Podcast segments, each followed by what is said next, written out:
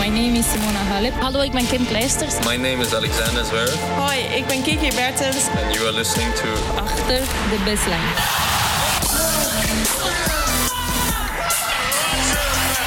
Your champion, Novak Djokovic. Dit is Achter de Baseline. Vanuit Flushing Meadows. Met Abe Kuil en David Avakian.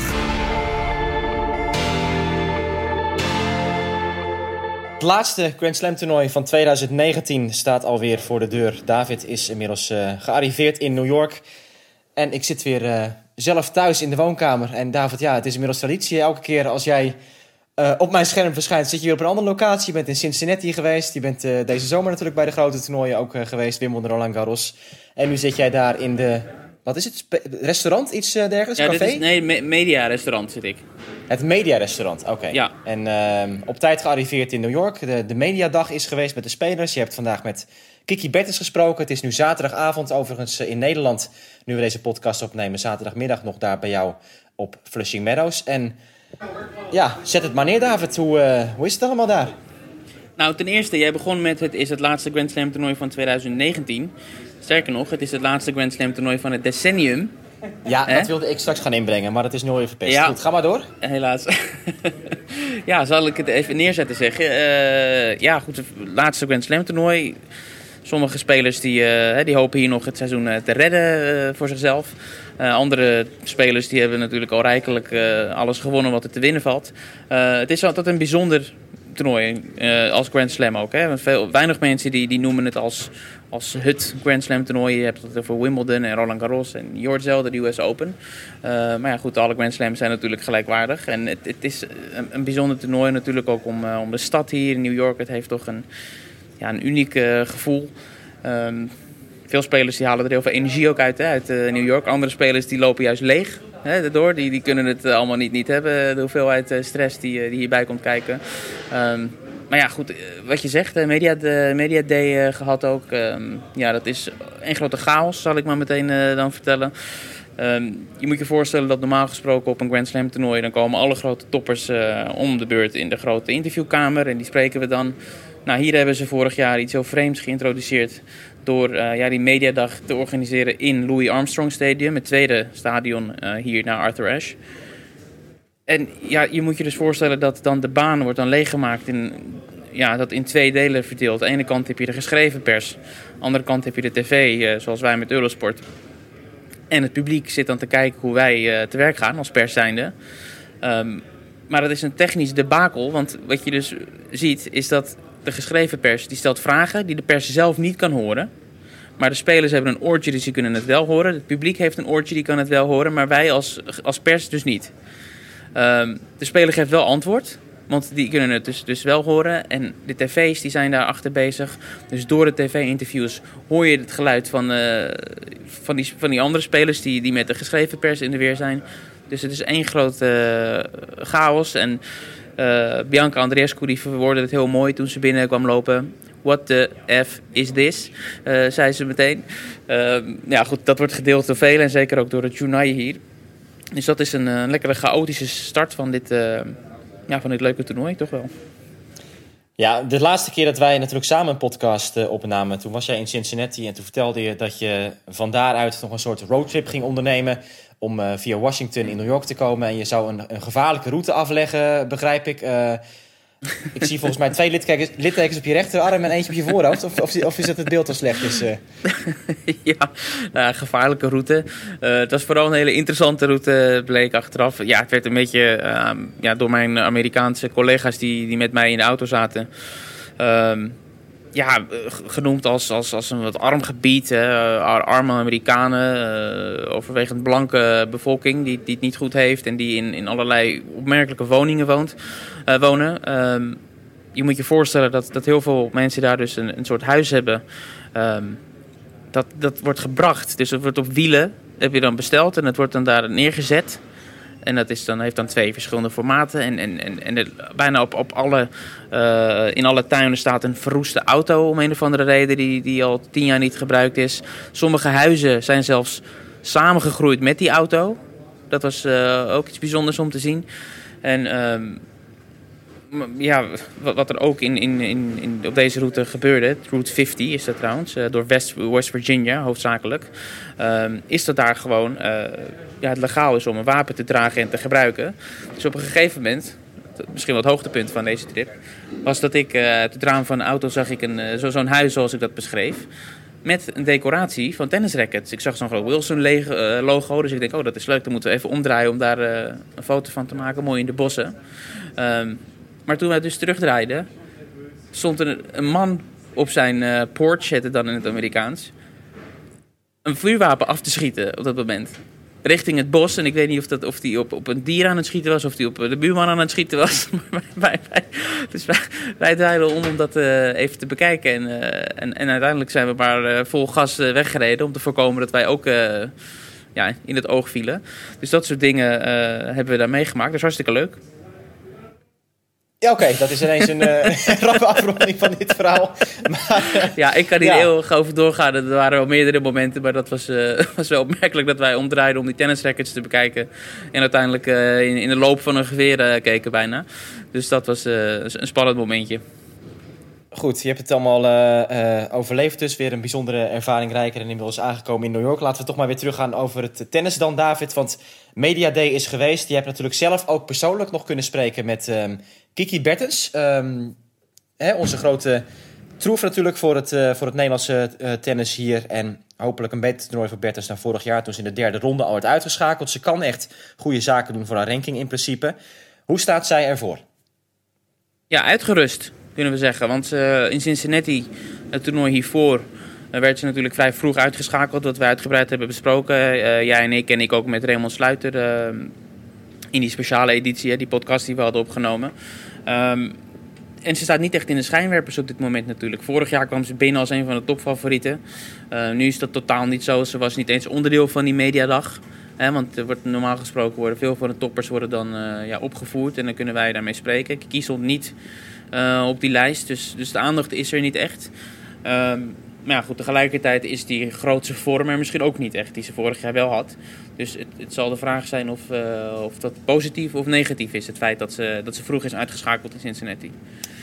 Ja, Kiki Bertens die begint tegen een qualifier. Dat is de Spaanse Paula Badosa. Die heeft net naast een plek in het hoofdschema gegrepen. Eh, ze was nummer 2 geplaatst in de kwalificatie. Speelde deze zomer trouwens al tegen Kiki Bertens bij het graveltoernooi van Palermo. Ehm, ja, dan op, eh, eh, in de tweede ronde mogelijk Anastasia Pavlyuchenkova.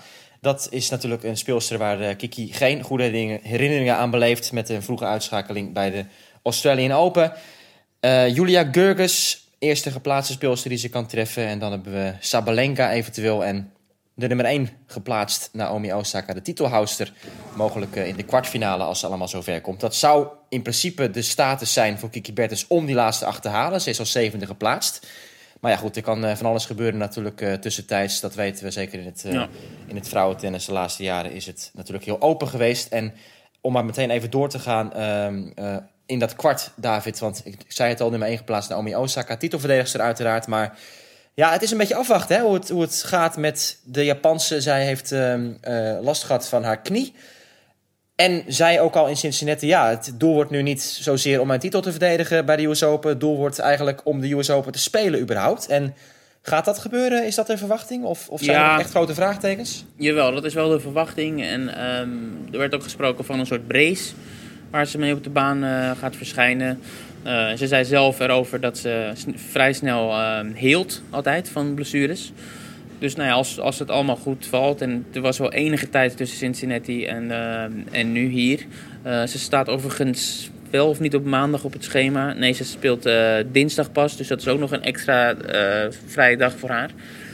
Ehm, dus nee, de verwachting is zeker wel dat zij, eh, zij gaat spelen. En het is natuurlijk relevant dat ze gaat spelen, want het einde van vorig jaar, de US Open, het eerste Grand Slam toernooi dat ze won, eh, die knallende finale tegen eh, Serena Williams, eh, waar alles uit de hand liep. Om het jaar daarna dan niet te kunnen spelen, dat zou natuurlijk eh, een domper zijn. Ja, wie daar ook in dat kwart zit, dat is Coco Gauff. De Amerikaanse die natuurlijk ja, week 1 domineerde op Wimbledon. Vierde ronde haalde, 15 jaar oud pas. Zij ehm, zou mogelijk in de derde ronde kunnen spelen tegen Naomi Osaka. Is, is Goff daar nu echt ook op voorhand alweer zo'n eh, zo'n grote hype in Amerika bij de US Open? Ja, wat sowieso natuurlijk gebeurt voor de US Open is dat alle kranten en tv-stations ontzettend bezig zijn met allerlei profielen van spelers. En ook Coco die, eh, die, die, die werd uitgebreid, eh, ja, was terug te zien in de media. Er werd zelfs een stuk geschreven waarin het woord GOAT, greatest of all time, in wording of iets dergelijks al werd genoemd. Ze stond op de cover van Teen Vogue, dus er wordt zeker wel een hype gecreëerd. Eh, maar niet alleen rondom haar, ook eh, bij de jongens eh, Felix eh Auger Aliassime bijvoorbeeld. Dus er wordt van alles gedaan om, om die spelers en het toernooi ook natuurlijk in aandacht te brengen. Ja, ik moet wel zeggen, dat hele verhaal rondom golf, dat, het verbaast me wel hoe snel dat allemaal gaat hoor, die, die hype. Natuurlijk Wimbledon vierde ronde gehaald, dat was knap. Maar dat ze echt, echt als zo'n megaster nu al overal wordt neergezet. In al die interviews, en ja, je zegt het al, eh, op social media komt zo ook dan weer een cover daar en dan weer een cover dit. En dan weer een, eh, een, een sponsorverplichting zus. En Ja, ja. het, is, het is alsof ze, hè, ze al slam heeft gewonnen zelfs. Ja, en het is natuurlijk nog, vooral de reden daarachter is het feit hoe ze Wimbledon speelde. Niet zozeer tennis technisch gezien, maar hoe, hoe cool ze was en hoe mentaal sterk ze bleef tijdens die wedstrijden. Want ja, als we kijken naar wie ze had verslagen, goed, Venus Williams natuurlijk, dat, dat zette meteen de toon. Ehm, maar ja, als je echt gaat analyseren naar wie ze daar versloeg, weet je, het, was, het was niet zo super, super indrukwekkend qua tegenstand. Uh, maar de manier waarop ze op de been bleef daar, dat, dat heeft kennelijk in, in de media en, um, en, en onder het publiek ontzettend, ontzettend veel indruk gemaakt. Ja. Ja, dat is eigenlijk dus het, het eerste kwart van het speelschema. En nou, laten we dan um, daar een beetje verder doorheen lopen door het vrouwentoernooi. Ook daar de Wimbledon kampioene Simona Halep is als vierde geplaatst. Zij zit in het tweede kwart met uh, Petra Kvitova, nummer 6 van de plaatsingslijst. En andere namen die we even moeten bespreken daar, dat zijn allereerst Bianca Andreescu. En Sloane Stevens, uh, Andreescu natuurlijk, ja, gewoon een kans heeft ze op de titel hier nu. Ze heeft het nu laten zien bij twee grote toernooien in Noord-Amerika dit jaar. In eigen land heeft ze gewonnen. En ze won uiteraard ook in Indian Wells. Zij is nu vijftiende geplaatst. En hoe kijk jij daar tegenaan, uh, David, die kansen van uh, Andreescu? Nou ja, wat we kunnen zeggen over haar is op het moment dat ze fit is... en niet uh, een of andere schouderblessure vooral heeft... ja, dan verliest ze gewoon niet bijna, als ze in goede staat is. We kunnen kijken naar de statistiek ook. Ze heeft uh, zeven keer in haar leven tegen een top 10 speelster gespeeld. En ze heeft al die zeven ontmoetingen gewonnen. En ze is, ze is nog zo jong. Dus ik denk dat er niemand is in de geschiedenis überhaupt... die op zo'n jonge leeftijd... of sowieso de eerste zeven ontmoetingen met een top 10 speler heeft gewonnen. Dus ja. dat zegt iets over haar. En goed, we hebben het al eerder over haar gehad... over die, uh, ja, die, die star quality die ze heeft. En dat ze totaal omarmt dat ze, dat ze zo goed is. En dat ze... De, ja, dat ze leeft voor deze sport en leeft ervoor om uh, de grootste ook te worden, alle tijden, heeft ze gezegd. Ik denk dat ze hele goede kansen maakt. En ik zit dan te kijken in het schema en dan zie ik een vierde ronde tegen Halep. Uh, en daarvoor nog tegen Wozniacki eventueel. Nou, dat zijn typisch die wedstrijden waar ze, waar ze voor uh, op komt dagen. Ja, ik denk ook dat zij zomaar gewoon het toernooi zou kunnen winnen hier in, uh, in New York de komende weken. Sloane Stevens dan even doorschakelend, David. Want ja, uh, jij hebt het natuurlijk ook uh, van dichtbij meegemaakt. Je hebt zelf ook Sven Groeneveld alweer daar gezien in New York. Die is niet langer de coach van Stevens. Voor de mensen die dat allemaal niet hebben meegekregen, dat is een hele, ja, een, hoe moet ik het zeggen? Ik zou bijna zeggen een driehoeksverhouding met, met Puig, ja. Stevens en, en de coaches eromheen. Um, wat is daar precies gebeurd? Nou ja, vrij vroeg voor de US Open, dus tussen Cincinnati en de US Open eigenlijk. Um, ja, zijn, zijn Sven Groeneveld en Sloane Stevens uit elkaar gegaan. En is Stevens teruggegaan naar haar oude coach, Kamal Murray. Uh, dat is succescoach, onder wiens leiding uh, ze hier ook won. Um, en Kamal Murray was de coach van Monica Puig. En nou, die zijn daar weer uit elkaar gegaan. Dus dat is een soort ja, hereniging geweest. En dat, dat lijkt ten koste gegaan te zijn van uh, enerzijds Puig en anderzijds uh, Sven Groeneveld. Um, dus dat is zeker uh, heel opvallend. En zeker omdat het zo kort dag was. Ja, en Puig die is er echt helemaal van ondersteboven geraakt, heb ik begrepen. Ja, want die, um, ja, die, die, die, ja, die wist gewoon niet wat er gebeurde op dat moment. En die staat opeens, stel je voor dat je voor de US Open aan het voorbereiden bent... en je krijgt ineens te horen dat je dat zonder coach moet doen. Uh, dus je kan me voorstellen dat zij uh, nu links en rechts aan het informeren is van wie kan mij bijstaan. Want de ene speler die, die leunt natuurlijk enorm op de coach. Um, dus ja, het is, uh, het is op, heel opmerkelijk wat hier gebeurd is. Ja, en dat blijven natuurlijk die interessante situaties in de tennissport. Die hele coaching-spelersverhoudingen. Ja. ja, het- verraad zou ik bijna zeggen, wat natuurlijk ook gewoon eh, plaatsvindt. Dit is dan een situatie die vrij zichtbaar is, maar zo zijn er andere voorbeelden ook. Het is natuurlijk zo'n rare wereld in dat opzicht. Dat, dat tennissers huren een coach in en dan krijgt een coach een beter aanbod van andere speler. En dan zegt hij van, eh, nou, Toedeledoki, ik ben, eh, ik ben weg. Ehm, ja, dat, dat is ook weer een, soort wespennest natuurlijk. En daar is, Absoluut, is Sven ja. Groeneveld, Sven Groeneveld is ook nu een beetje eh, onderdeel van, van geworden. Want ja, Stevens en, en Murray die hebben gewoon een goede band samen. En blijkbaar is daar dus weer een soort aantrekkingskracht geweest van... joh, ik, we willen weer terug naar elkaar. Ja. En dan, eh, dan is het uh, Toedeledoki naar eh, Groeneveld en, eh, als coach en Puig als speelster. Hoe is daar eh, op gereageerd met, met Stevens en zo? Zijn daar nog eh, dingen over besproken? Heb je daar iets over Nee, gehoord in, nee, in de nee. media, media die day? Nee, eigenlijk niet. Dus eh, dat, dat blijft een beetje geheimzinnig allemaal, hoe dat eh, gegaan is. Ehm, maar ja, het leek wel vanaf buiten gezien eh, een beetje een kwestie van tijd tot Stevens en Kamal Murray dan op, op termijn weer met elkaar zouden gaan werken. Want er was nooit een harde breuk of zoiets, of een ruzie of wat dan ook. Dus, en ze pasten zo enorm goed bij elkaar. Dus eh, nou ja, dat is nu vroeger dan verwacht eh, gebeurd. Ja, Ehm, maar ik denk dat Stevens, mocht ze überhaupt haar eerste ronde winnen, ehm, in de tweede ronde eventueel tegen Kuznetsova komt te staan. En in Cincinnati hebben we natuurlijk gezien waar Kuznetsova toe in staat is. Eh, ze won 15 jaar geleden hier eh, de titel. En staat ontzettend goed te spelen. Dus daar heb ik een grote cirkel omheen gezet als potentiële eh, kraker. Stevens Kuznetsova tweede ronde. ja, er zitten daar heel veel interessante namen. Je hebt Elise Mertens, je hebt Garbine Muguruza. Die speelt tegen Alison Risk eerste ronde. Dat is ook een hele leuke partij. En ehm, ja, goed, Simona Halep hebben we nog niet echt verder besproken, David, nu. Maar ja, die, die is volgens mij net zo ontspannen als, eh, als de laatste maanden.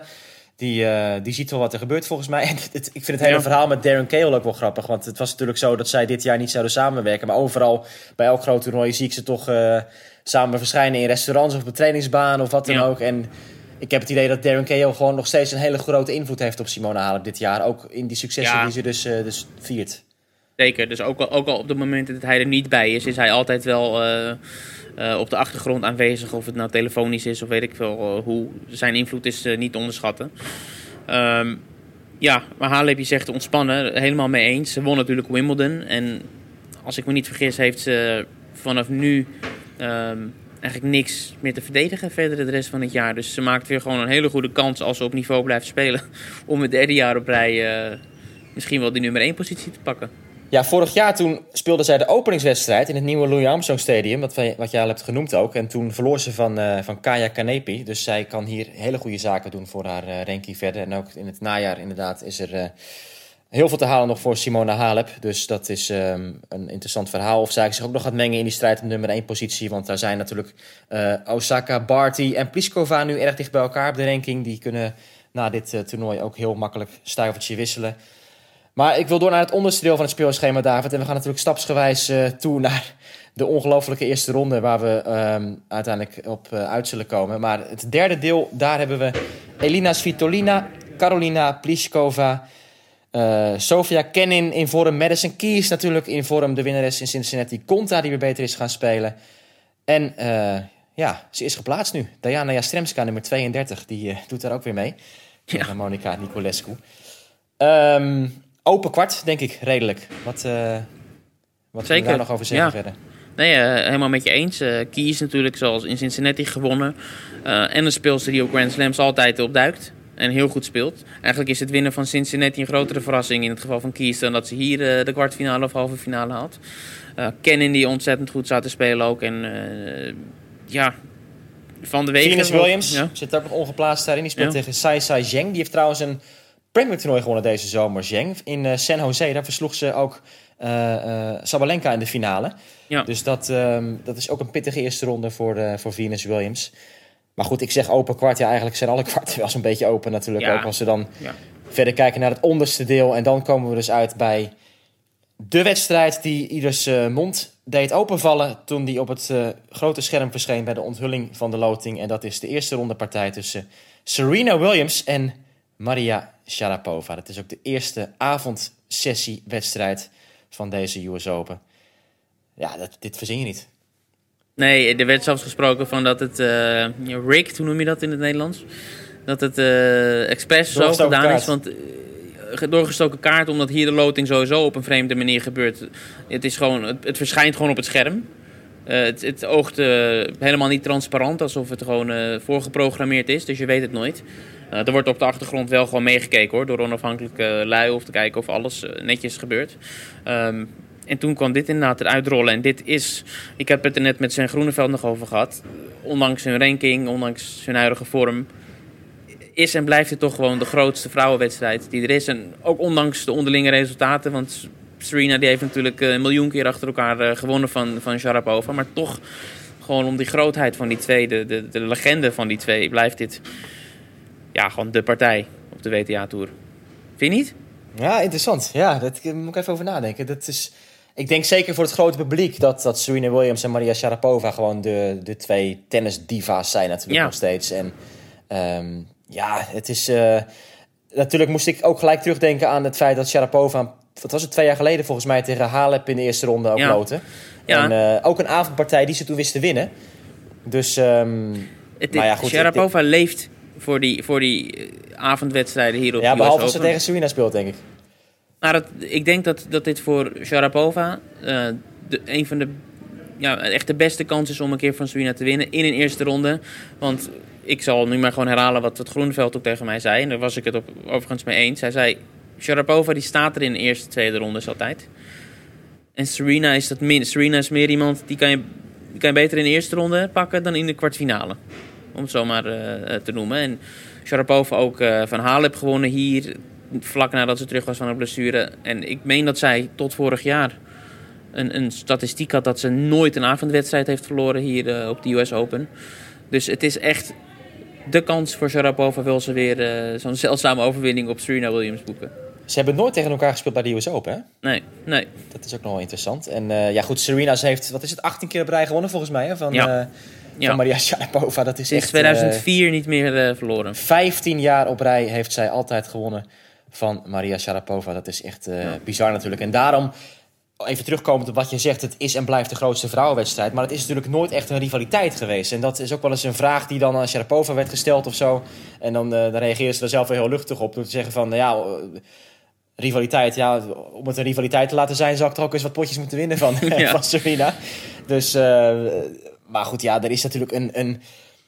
Het zijn natuurlijk de tegenpolen, het zijn, het zijn de, de, de, de vrouwen die natuurlijk ook ja, een, beetje, een beetje frictie hebben gehad in andere zaken die eh niet Ja, met tennis te maken hadden. Hè. Ze zijn een beetje, een beetje pikant over elkaar geweest in de media af en toe ook met uitspraken. We weten dat eh Sharapova in haar boek heeft geschreven over Serena Williams. Een incident waarin ze, toen ze had gewonnen van Serena bij, eh, op Wimbledon natuurlijk, toen ze als tiener daar het toernooi won. Toen zag ze Serena na afloop huilen in de kleedkamer. En dat schreef ze dus op in het boek. Nou ja, dat ze dat dus allemaal openbaar maakte. Dat, dat Ja. hele intieme moment, ja, dat is natuurlijk ook een beetje verkeerd eh Ja, ik- ik- terechtgekomen bij eh, Kamp Williams. Ik, En eh, ja, goed. En daar had ze dan allerlei conclusies over. Ja. Sharapova ook. Van, hè, dat, dat zij dacht, omdat ze dat dus had meegemaakt toen. ehm Serena in haar zwakste moment. Dat Serena daar had besloten van ik ga nooit meer van haar verliezen. En ja, dat is nooit meer gebeurd. Ja, nee, ik, ik, ik kan me nog heel goed herinneren. Ik was bij die persconferentie dat er een vraag aan Serena werd gesteld over het boek van Sharapova. Waarop Serena antwoordde: Ja, ik heb dat boek. eh, ik heb het vernomen. Ik wist niet dat het boek over mij ging. Het, heet, het is toch het, de autobiografie van, van Maria. Het ging allemaal over mij, dat hele boek. Dus dat, daar Ja. reageerde ze op die manier op. En nog een ander moment weet ik nog heel goed dat een journalist aan haar vroeg eh, over die dopingschorsing van eh, Maria Sharapova. Ehm, van ja, hoe, hoe- is dat nou hè, om te spelen tegen iemand die, eh, die dan kennelijk met, met zulke medicatie eh, heeft gespeeld tien jaar lang? Waarop Serena zei, ja, je zou die vraag echt aan iemand anders moeten stellen. Want Serena heeft natuurlijk gedurende die periode altijd alleen maar gewonnen van Sharapova. Dus, dus als die twee een, kansje hebben om een, om, een, om een steekje uit te delen, dan laten ze dat eh, zelden liggen. Ja, het wordt natuurlijk echt een, een, een knallend begin zo van de, van de US Open met die avondpartij. En dan is de tweede avondwedstrijd, David. Ehm, want ik, heb jij nog iets te zeggen over het vrouwentoernooi? Anders kan ik een heel mooi bruggetje maken gelijk. Ehm, nou, misschien even noemen dat er een bijzondere afwezig is om een bijzondere reden. Amanda Anisimova, de thuisspeelster. Ja, dat is zo. Ehm, dat is sneu, want haar vader is overleden. Eh, en zij is zelf, eh, natuurlijk hebben we het uitgebreid over gehad, een van de jonge opkomende talenten. En zij heeft zich dus teruggetrokken om die reden. En eh, er gaan allerlei verhalen de ronde over eh, wat erachter zit. Of het, eh, ja, goed, er zijn een heleboel theorieën. Misschien dat we het op een later moment daar nog over hebben. En misschien komt er informatie naar buiten daarover. Ehm, nou, dat wilde ik nog even toevoegen, denk ik. Ja, en we moeten natuurlijk toch even ook wat eh, zeggen nog over eh, Ashley Barty, nummer 2 geplaatst. Die gaat beginnen tegen Zarina Diaz. Jij steekt je vinger op. Ja, we hebben helemaal vergeten uh, Richie Hogekamp te noemen. Ja, zeker. Want we hebben Nee, weer ja, eens dus een, ja. een extra Nederlander in het schema. En dan lopen we er zomaar overheen. Nee, dat was niet de bedoeling. Dat is niet de bedoeling. Nee, Richie Hogekamp die heeft zich eh, ja, op, op fraaie manier eh, gekwalificeerd zonder zetverlies. Nou, als we het over bijzondere verhalen hebben, dat is natuurlijk ook echt, eh, echt uniek. En je hebt Kiki gesproken, ehm, die ook emotioneel raakte over Ja. dat, dat, dat hele gebeuren. Want het, is, het was op de dag of de dag erna dat zij vorig jaar haar moeder heeft verloren, dat zij zich nu plaatste voor het, eh, voor het hoofdtoernooi hier bij de US Open. Dus dat is natuurlijk echt, eh, ja, eh, ja, bittersweet. Ik heb even het Nederlandse woord ook niet ervoor. Maar goed, Nee. dus veel emoties bracht dat mee voor, voor Hogenkamp en ook voor, voor Kiki Bertens, die dat echt heel veel deed. Dat, dat Richel dus dat mee heeft gemaakt. Goed, misschien kan jij daar iets, iets over vertellen verder, hoe, hoe dat precies was. Nou ja, ik heb Richel gesproken, maar daar hebben wij het niet over gehad, over dat moment. Maar wel over de, hoe, hoe- ja, dat ze natuurlijk een periode weg is geweest vanaf van de Grand Slams. Dat ze niet een hoofdtoernooi heeft gehaald. En dat het nu natuurlijk prachtig is dat alles eh, weer op zijn plek valt. En, en ze weer mee kan doen hier. En een hoop punten kan scoren eventueel. En financieel is het ook eh, hartstikke goed. En ze wordt gesteund door de, door de bond, waar ze heel blij mee is. Dus dat is ook iets wat in het verleden heeft Richel eh, openlijk wel eens gezegd dat, dat ze die steun mist vanuit eh, de bond. Nou, dat is nu kennelijk allemaal op orde. Dus het is ja, hartstikke mooi dat ze er is. En zoals je zegt, Kiki die werd wat emotioneel toen ik de naam Hogekamp noemde. Eh, er was natuurlijk nog een optie dat ze tegen elkaar zouden spelen, omdat Kiki ook tegen een qualifier opende. Nou, dat is gelukkig voor beide niet gebeurd. Ehm, ja, tot zover denk ik daarover. Ja, zij heeft ehm, eh, vorig jaar haar moeder verloren aan, aan kanker natuurlijk. En dat, ja, dat, goed, dat is natuurlijk allemaal heel, eh, heel vervelend. Maar Hogenkamp is weer beter aan het spelen nu. Ze is dus ehm, ja, in staat geweest om hier drie kwalificatiewedstrijden te winnen, wat gewoon heel knap is. Eh, ook zeker moeten we meenemen dat het ook een, mooie financiële injectie geeft voor, eh voor Richie Hogenkamp. Dat is echt toch een, eh, een prettig eh, feit als ze 58.000 dollar nu sowieso heeft eh, verdiend met, met het behalen van, eh, van de eerste ronde. En zij zal Net als de andere Nederlanders trouwens, op dinsdag in actie gaan komen. Dan hebben we eh, Kiki Bertens, Richard Hogenkamp en bij de mannen natuurlijk Robin Haase.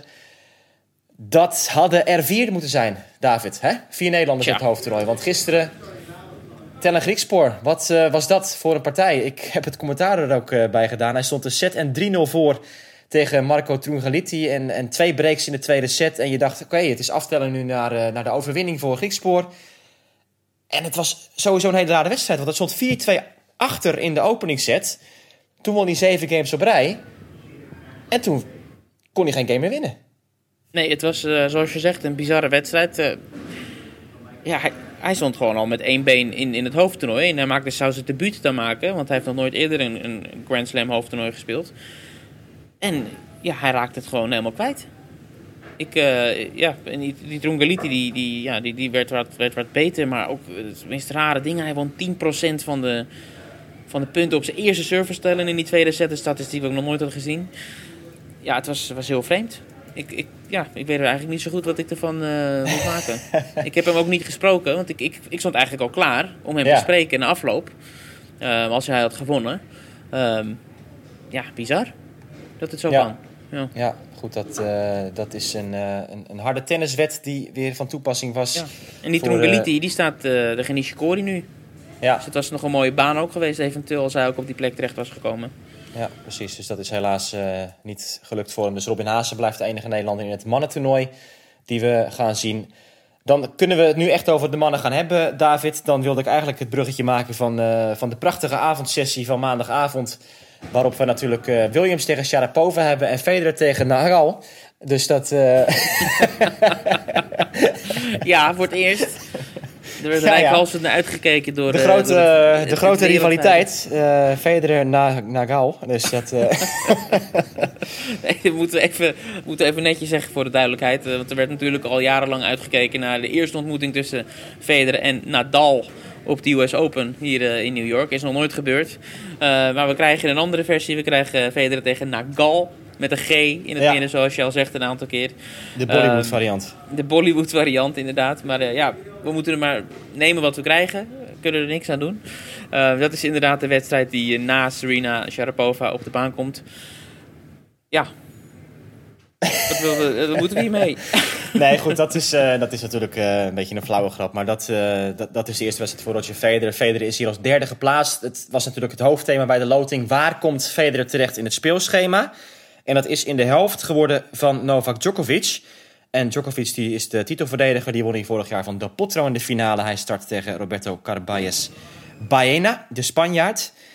En daar gaan we dus op door. Het bovenste kwart van Djokovic allereerst. Daar zit ook Stan Wawrinka, de winnaar van 2016, die toen van eh, Djokovic won in de finale. We hebben ook Daniel Medvedev in het kwart Ja. bij Novak Djokovic. Ook een, eh, een speler waar natuurlijk naar werd uitgekeken tegen wie hij zou loten. Ehm, ja, dat zou natuurlijk ongekend zijn als die eh, in de kwartfinale tegen elkaar gaan spelen. Zeker gezien Ja. de successen die Medvedev dit jaar ook heeft geboekt. Op Djokovic twee keer heeft hij gewonnen. En, ehm, maar ja, goed, Djokovic die zal het in het begin wel moeten redden. De eerste paar rondes. Eh, Sam Querrey in de tweede ronde, eh, waar hij pas ook van won in Cincinnati. En met de grote drie is het natuurlijk zo dat het waarschijnlijk weer een beetje gewoon aftellen zou worden tot de latere rondes, net als op Wimbledon. Ja, dat zeg je wel. Maar ik, ik heb hier drie grote cirkels op mijn schema staan. Eh, een vierde ronde potentieel dus Djokovic Wawrinka. Een kwartfinale Djokovic Medvedev. En een halve finale eventueel Djokovic Federer. Dat is denk ik voor, voor Djokovic als je, als je ja, zou moeten, moeten kiezen is dit denk ik de slechtst mogelijke optie. Want Wawrinka is een speler waar hij structureel, nou structureel gaat te ver, maar regelmatig eh, op grote podia van heeft verloren. Medvedev, zoals je zegt, heeft eh, zeer recentelijk nog eh, bewezen een soort eh, ja, antigif te kunnen zijn tegen het spel van Djokovic. En, en Djokovic Federer, nou, we hebben gezien dat Federer ook nog in staat is. Althans op Wimbledon bleek hij in staat om, om het goed bij te benen.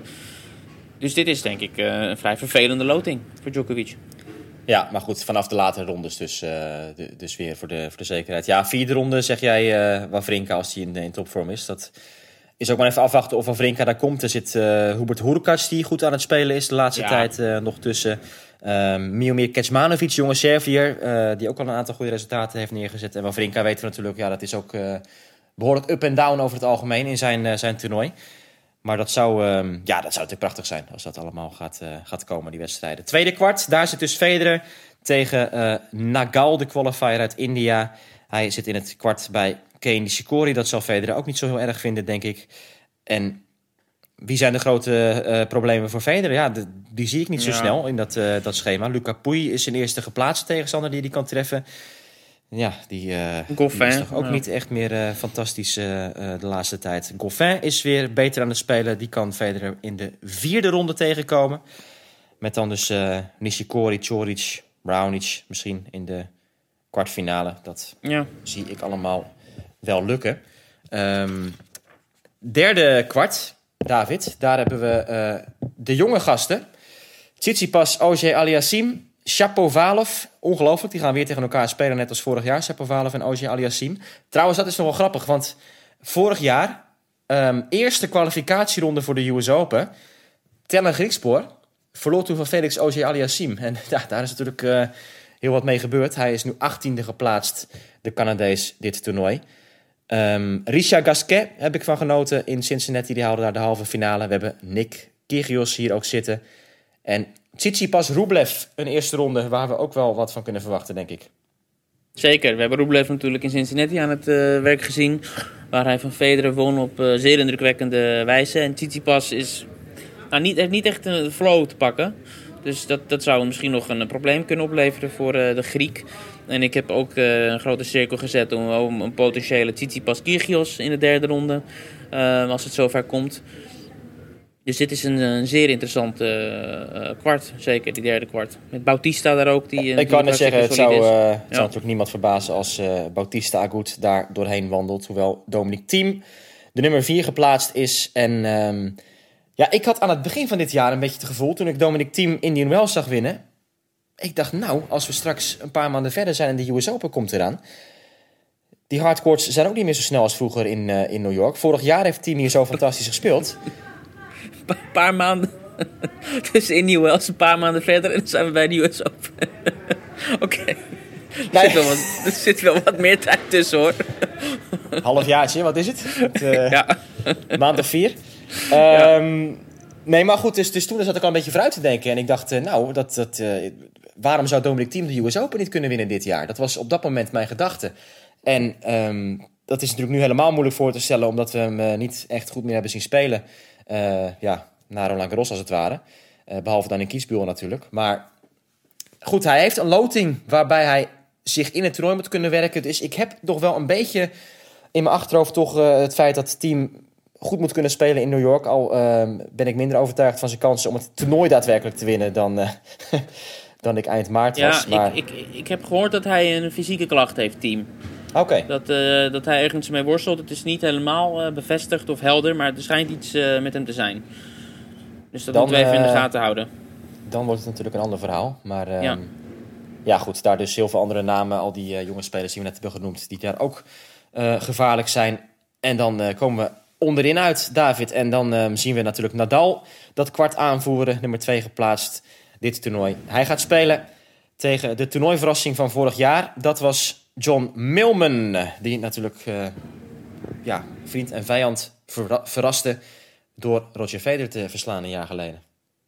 Zeker, ja, dat was eh, op die bloedhete dag eh, vorig jaar dat, dat Federer ja, zichtbaar het niet aankon. Hij sprak er zelf nog over eh, tijdens mediadag vandaag.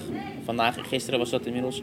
Ehm, en hij zei, ja, klopt, die, hitte, dat was, ik was er gewoon niet op voorbereid. Ik had niet de voorbereiding eh, kunnen genieten, dus dat ik eh, eh, genoeg wet, zeg maar, training ook had eh, achter de rug gehad in, in, vergelijkbare omstandigheden. Dus eh, dat is overigens best zeldzaam hoor, dat Federer dat toegeeft. Dat hij, eh, dat hij echt worstelde onder de omstandigheden. Maar dat zag iedereen natuurlijk op dat moment. Ehm, ik weet nog heel goed dat de dag daarna ehm, alle, alle deuren op Arthur Ashe open werden gezet... om, de, om daar meer eh, luchtcirculatie eh, te krijgen in het stadion. Dus dat was echt een dingetje. Ehm, maar dit jaar is het niet zo warm. Trouwens, dat wilde ik er nog even tussendoor eh, zeggen. Het blijft onder de 30 graden. Ehm, althans de eerste week. Dus dat zal niet echt een probleem opleveren, denk ik. Wat wel echt, echt heel bizar is, is dat John Millman nu achter elkaar tegen de grote drie speelt op de US Open. Hij heeft vorig jaar van Federer gewonnen. Toen moest hij tegen Djokovic, daar verloor hij van. En nu opent hij tegen Nadal. Nou ja, Ja, dat is natuurlijk ongelooflijk. Dat je, dat je, Ja. dat zullen weinig spelers hebben meegemaakt. Als ze drie wedstrijden op rij tegen die drie gasten eh, hebben afgewerkt. Laat staan iemand eh, met zo'n klassering als, eh, als John Millman natuurlijk. zeker. Nee, dat is een mooie, mooie herinnering voor hem dan, denk ik. Aan het eind van zijn carrière.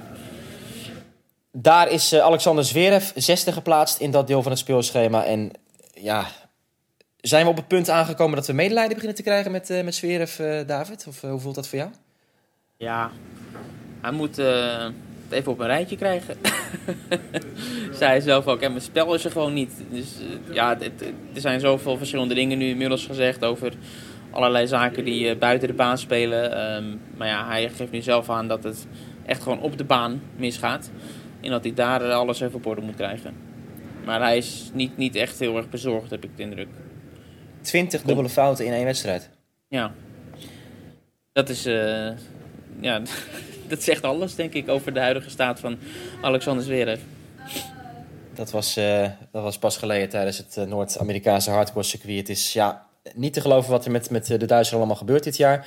Hij speelt wel tegen een- iemand die echt lastig kan zijn, Radu Albot. Iemand die ook een set pakte van Federer dit jaar. Die bijna won van Federer in, eh, in Miami, hè, vroeg in het eh, toernooi. Dus dat Ja. is wel een, eh, een speler die je toch moet, moet verslaan. Die, ehm, die echt, echt zich kan vastbijten in een partij. Ehm, Francis Tiafo in de tweede ronde misschien. Nou, dan gaat het dak eraf natuurlijk als dat gaat gebeuren. Ja. En iets verderop zien we ook in het kwart Robin Haase. En die treft Diego Schwartzman, de nummer 20 geplaatst. Maar David, weet jij wat de head-to-head is tussen die twee? Dat is, eh, Jazeker. dat is Vijf. echt bizar. 5 tegen 0 in het voordeel van Robin Haase. Eh, Er moet wel bij gezegd worden dat de laatste ontmoeting alweer twee jaar geleden was. Ehm, en Schwartzman is sindsdien natuurlijk alleen maar beter geworden. Hij staat niet voor niks nu als 20ste geplaatst hier. Ehm, maar ja, dat, is, dat, dat zegt wel misschien iets over die matchup. Dat dat eh Haase wel goed ligt. Ik had het er graag met hem over gehad vandaag. Maar dat lukte niet om, eh, om dat voor elkaar te krijgen met zijn trainingen en, eh, en dergelijke. Ehm, want ja, dat is inderdaad, zoals je zegt, een bizarre onderlinge stand. voor, voor iemand van het kaliber van Robin Haase. Dat hij er überhaupt tegen iemand een 5-0 onderling resultaat heeft. Sorry, ja, dat klinkt een beetje... Ja, maar ik bedoel, ja, het is toch niet zo raar. Nee, nee. Het is, het is, het is een speler die. Robin is, is toch niet een top 20 speler die, eh, die, die zulke dominante resultaten tegen een bepaalde speler eh, heeft. Nee, helemaal niet. Het is natuurlijk eh, voor, voor Haas op zich wel een belangrijk toernooi. Want het zou zomaar... Ik wil het niet te dramatisch maken, maar het zou wel even kunnen duren... voordat hij misschien weer een Grand Slam toernooi gaat spelen in het enkelspel. Want hij is natuurlijk echt weggevallen op de ranking naar plaats 154. Ja. Ik kreeg vorige week ook al wat bericht op social media... toen die kwalificaties eh, gaande waren van... eh, waarom doet Robin Haas nou niet mee aan de kwalificaties? Nou ja, dat heeft natuurlijk te maken met het feit dat de, ehm, de cut-off... voor het hoofdtoernooi van de US Open altijd zes weken voordat het toernooi begint wordt gemaakt. En toen stond Haase nog stevig in de top 100. Maar hij is nu de nummer 154 van de wereld. Dus dat is echt eh, oppassen geblazen voor, voor Haase. Dat hij ehm, niet de volledige aansluiting kwijtraakt met ook de kleinste ATP-toernooien. Als hij echt weer volledig in die challenges moet gaan spelen, dan is dat een, eh, een zware missie op 32-jarige leeftijd om daar weer uit terug te komen. Dus het zou lekker zijn als Haase kan stunten tegen Zwartsman. En misschien een paar rondjes kan winnen in New York. Om dan eh, toch een beetje die ranking iets hoger te krijgen nog. Nee, zeker weten. En het is opvallend dat ehm, wat hand in hand gaat met die mindere resultaten in het enkelspel zijn natuurlijk de topresultaten in het dubbelspel. Waar hij echt bij de grootste toernooien, op Masters toernooien, finales haalt. Eh, met eh, Wesley Koolhof eh, recentelijk. Ja, dus dat is. Ja, je gaat zelf bijna denken van misschien moet je het maar gewoon daaraan. ja, eigenlijk alles wijden. En dat singelen misschien maar later op een gegeven moment. Nou, Ja, dat wordt dus, dat wordt, daar is ook, ik, ik las er ook artikel over in de Volkskrant. Dat wordt natuurlijk een beetje de spagaat van Robin Haase straks. Ehm, hij gaat in die grote toernooien niet meer kunnen singelen met die ranking, maar wel kunnen dubbelen. Dus waar kies je dan voor? Hè? Geef je Ja. de voorkeur aan het, het dubbelen in een Masters 1000 toernooi of ga je toch je, je single eh, in een Challenger eh, eh, laten... Hè? Geef je daar de voorkeur aan? Ja. Dat, ehm, dat zijn allemaal lastige afwegingen voor Haase wellicht. Tenzij hij natuurlijk hier ineens een bak met punten zou kunnen pakken in New York. En goed, dat is waar hij zich als eerste maar zich op moet richten. Natuurlijk die partij tegen Diego Schwartzman. Dat was de loting, David. Ehm, ik wil eigenlijk aan jou vragen, nu we de schema's hebben besproken. Oh jee. Nee, die bewaar ik nog even. Nee. Oké. Waar, waar kijk jij het meest naar uit, dit toernooi?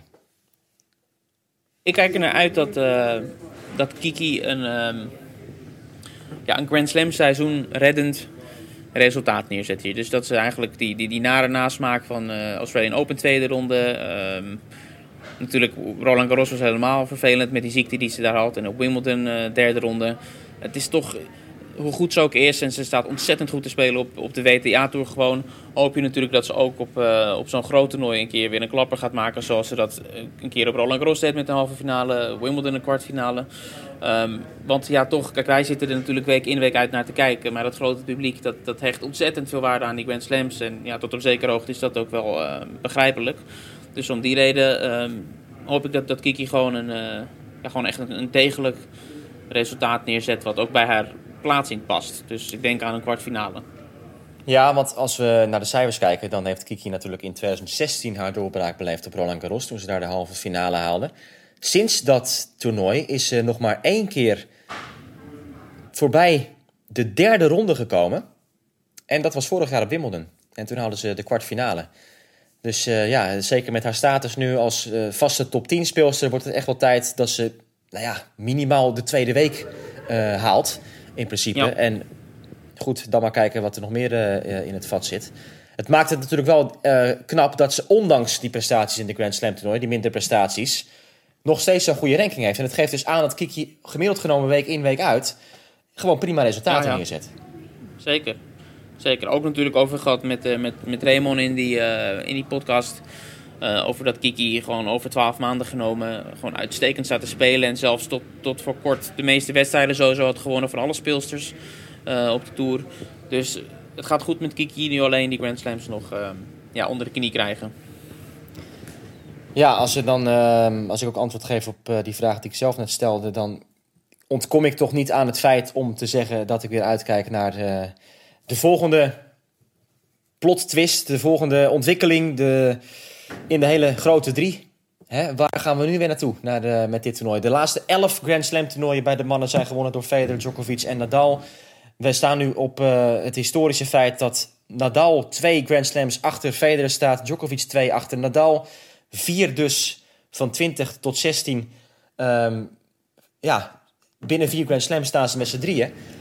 Dat is natuurlijk echt eh, prachtig. En het wordt elk toernooi daarmee spannender, interessanter. Hè? De, de mannen worden ouder. Hoe lang gaan ze nog mee? Het gat wordt kleiner. Wie gaat er boven wie eindigen? Het, is echt, eh, het, het blijft gewoon goud. En iets wat we de komende ja, decennia waarschijnlijk gewoon niet meer mee gaan maken. Eh, nu we toch hè, het feit dat we het, het Grand Slam decennium gaan afsluiten, dat nog even naar boven kunnen brengen. Ja. Ja, dat, dat vind ik echt iets, iets machtigs en daar kan ik niet op wachten.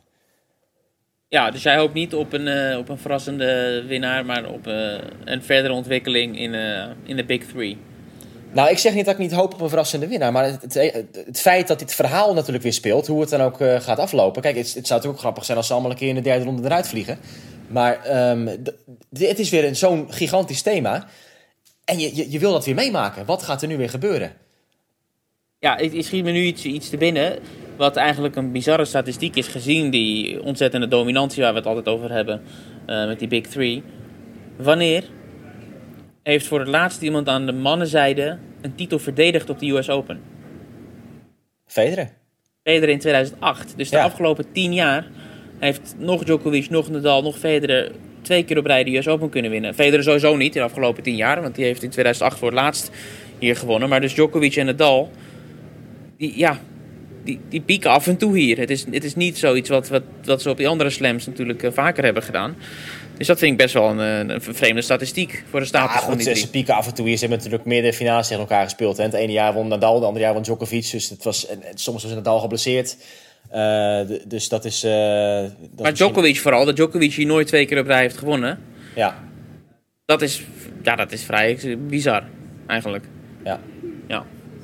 Nee, helemaal, helemaal eens. De, de, de meest dominante hardcourt-speler van, eh, van deze generatie sowieso. Dat, dat hij dat eh, in New York eh, veel minder kon bijbenen ten opzichte van zijn, ja, zijn oogst in Australië natuurlijk. Hij echt, wat toch zijn toernooi is geworden in, in Ja. dat opzicht. Dat is altijd wel opvallend geweest. Maar goed, de Djokovic is natuurlijk nu gewoon de, de topfavoriet. Laten we dat even voorop stellen. Dat is bij de boekmakers Ja. duidelijk. Dat is... hè? Zeker, alleen ik, ik heb toch een beetje het elleboogje wat hij last van had. Vandaag tijdens de training werd hij behandeld aan zijn voet.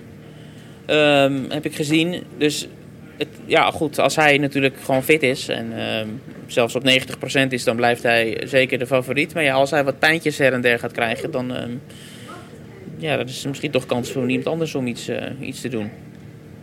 Maar als ja. je nu een naam moet noemen... Nee, ja? Djokovic. Als, als, als, als die kleine pijntjes niet serieus zijn, dan neem ik eh, sowieso eh, Djokovic als winnaar. Ja, dat, eh, Jij ook, denk ik. daar sluit ik mij bij aan. Ehm, Veilige keuze. veilige keuze. Dan de vrouwen. Oeh, bij de vrouwen. Besta- bestaat er een veilige keuze bij de vrouwen? Wat is de veilige keuze bij de vrouwen? Ja, misschien toch Los van het feit of we daarvoor kiezen of niet. Misschien, misschien blijft het toch Serena gewoon puur om het feit dat, dat, dat zij toch ja, de afgelopen jaren het, het vaakst in een Grand Slam finale toch terechtkomt. Misschien niet wint, maar ze geeft zichzelf wel de meeste kansen om een finale te halen op een Grand Slam. En ja, je, je denkt toch bijna dat moet een keer goed gaan vallen voor haar. Dus ik, ik blijf bij ja, Serena. Ik zeg het maar gewoon. Is, dat is ook jouw voorspelling, dat, dat zij gaat winnen. Waarom niet? Ja, Serena. ja. Nou ja, ik heb, ja. het is grappig dat je het zegt, want ik had ook een, eh, toch echt weer een, een toenemend gevoel dat Serena hier ehm, zal gaan winnen. Goed, het is afwachten wat er met haar lichaam gebeurt natuurlijk. Ze had ineens weer last van, eh, van, van de rug tijdens het toernooi van Cincinnati. Nou ja, ja. ik, ik, ik noem Serena, maar tegelijkertijd geef ik Sharapova een goede kans in de eerste ronde. Dus eh, ja, ik, ik, het, kan een hele vreemde keuze uiteindelijk eh, blijken. En eigenlijk, ehm, nou, we hebben het over Bianca Andreescu gehad. Het is natuurlijk in principe ook een beetje zo, tot het tegendeel is bewezen. Zou je ook heel makkelijk een, eh, een verdediging kunnen opvoeren van dat, dat Andreescu de favoriete is. Hè? Het is 7-0 tegen de top 10. Eh, Ja. Ze heeft vier potjes verloren dit jaar. Laatste grote toernooi waar ze fit was en erbij was, heeft ze gewonnen. Nou, dat zijn er maar een paar geweest. Indian Wells en eh, Toronto. Maar ja, daar won ze wel van, van echt grote namen allemaal. En ik vind die loting goed hoor voor Andriescu. Wozniacki derde ronde, dat is eh, niet meer de Wozniacki van vroeger. Goed, Simone Halep, ja, die is toch in haar eh, chill hier, om maar zo te zeggen. Hè? En dat, eh, dat is ook een tegenstander waar Andriescu wel goed tegen kan tennissen, denk ik. Heb ik zo'n zo, gevoel. En ehm, ja, Stevens weet je het maar nooit. Muguruza is, is natuurlijk al, al jaren minder ge- geworden. Kvitova is ook ehm, twijfelgeval. Het zou zomaar eh, kunnen voor, eh voor Andriescu, denk ik. En dat zijn denk ik dan mijn favorieten, tussen aanhalingstekens. Andriescu en Serena Williams. Ja, nou ja, ik, ik begrijp het pleidooi. Eh, tot het tegendeel is bewezen. Ik een mooie. Maandag, dan gaat het beginnen. Jij gaat alles weer meemaken in New York, David. Je gaat weer leuke eh, items maken, ook voor, voor Eurosport, voor eh, onze uitzendingen en voor internet uiteraard. En eh, nou goed, we hopen heel veel gesprekjes met Kiki Bertens, want dat zou betekenen dat ze vaak heeft gewonnen daar. Ja. Ehm, op maandag dan begint de titelhouser bij de vrouwen, Naomi Osaka, op het centercourt tegen Anna Blinkova. Dominic Thiem ook in de dagsessie. Nee, ik zit nou naar dag 2 te kijken, excuus. Dat hebben ze ook al bekendgemaakt, zo snel zijn ze daar al, al bij. Barty begint in het Arthur Stadium. Djokovic daar achteraan. Maar het gaat dus vooral om de avondsessie. En eh, ja, daar zijn we natuurlijk bij met Eurosport. We hebben alle banen weer op de Eurosport Player die te volgen zijn. De podcast is weer terug achter de baseline. Wij gaan weer eh, ja, heel wat afleveringen opnemen. Rest ons nog iedereen te bedanken, denk ik, hè, voor het luisteren naar deze zeker. preview show die weer helemaal uit de hand is gelopen. We gaan beloven dat we dat met onze afleveringen van tijdens het toernooi wat, eh, wat beter zullen beheersen die tijd. Maar eh, nu dank voor het luisteren en graag tot de volgende aflevering van Achter de Baseline, die dus heel snel weer aankomt vanuit New York.